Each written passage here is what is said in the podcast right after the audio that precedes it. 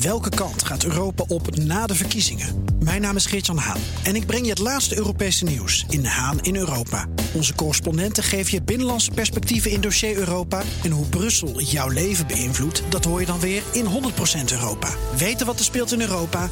Luister naar de programma's van BNR.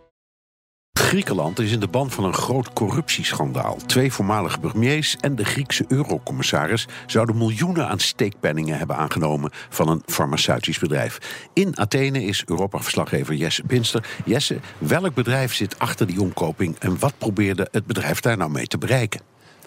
Nou, dat is het uh, Zwitserse uh, farmaceutische bedrijf Novartis. En die zouden 50 miljoen euro betaald hebben aan zo'n 10 Griekse politici. En dat allemaal om ervoor te zorgen dat de medicijnen voor een hele hoge prijs op de markt zouden komen. Dat is in ieder geval de beschuldiging die afgelopen maandag naar buiten kwam. Bron daarvan zijn drie beschermde en daarmee dus ook anonieme getuigen.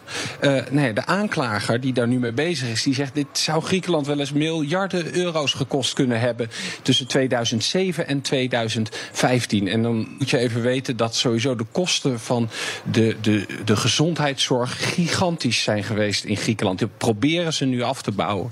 Um, maar goed, dat is. Uh, er zijn trouwens waarschijnlijk nog wel meer landen die hier uh, de dupe van zijn geweest, omdat de, de, Griekse prijs als een soort van benchmark is gebruikt weer in andere landen. Dus nou ja, nu is het aan het uh, Grieks parlement dan om te gaan besluiten of het uh, dit nog een vervolg gaat krijgen, deze beschuldiging. En hoe hebben de verdachten gereageerd?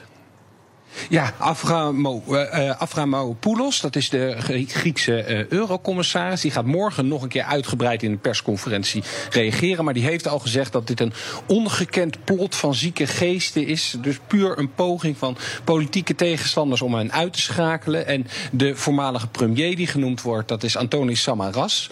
En die heeft al aangekondigd dat hij de huidige premier Tsipras gaat vervolgen hiervoor. Want ik ben net ook op het kantoor van Neo-Democratia. Dat is de politieke partij, de grote oppositiepartij, waar alle politici die nu beschuldigd worden vandaan komen. Ik was daar, sprak met de nieuwe leider Mitsotakis.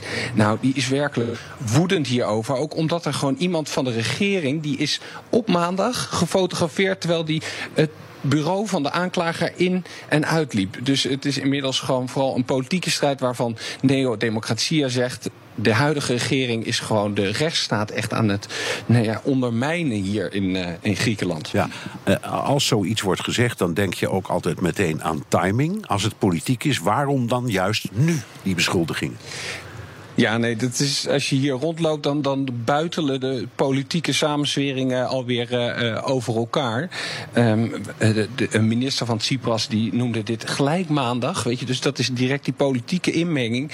Het grootste schandaal wat Griekenland in zijn geschiedenis heeft meegemaakt. Je ziet dat ze nu al een beetje aan het terugkrabbelen zijn. De theorie die ik hier het meest hoor, en ook op het hoofdkantoor van Neo-Democratia, is: Tsipras die wil de aandacht afleiden van Macedonië. Dus er zijn allemaal gesprekken gaande tussen Griekenland en nou ja, wat wij vaak Macedonië noemen. Maar dat land mag hier absoluut geen Macedonië genoemd worden. Nee, want er is ook een Macedonië in Griekenland. Dus, uh, ja. ze, ze, hebben een eigen provincie die zo heet. Nou, ja. daar wordt gigantische uh, ruzie over gemaakt. Daar proberen ze nu een oplossing na 25 jaar voor te vinden. Maar uh, de straten zijn al een paar keer volgelopen met allemaal Grieken die woedend daarover zijn dat de regering concessies zou gaan doen richting Macedonië. Dus Tsipras ligt onder vuur. Dus die zou hier hiermee proberen de aandacht enigszins af te leiden. Nog wel aardig, want kijk, voor Macedonië is het heel duidelijk waarom ze hier dit, dit conflict uh, willen oplossen. Omdat ze dan mogelijk de Europese Unie in kunnen of de NAVO in kunnen. Maar waarom wil Griekenland nou zo graag op dit moment een oplossing? Dat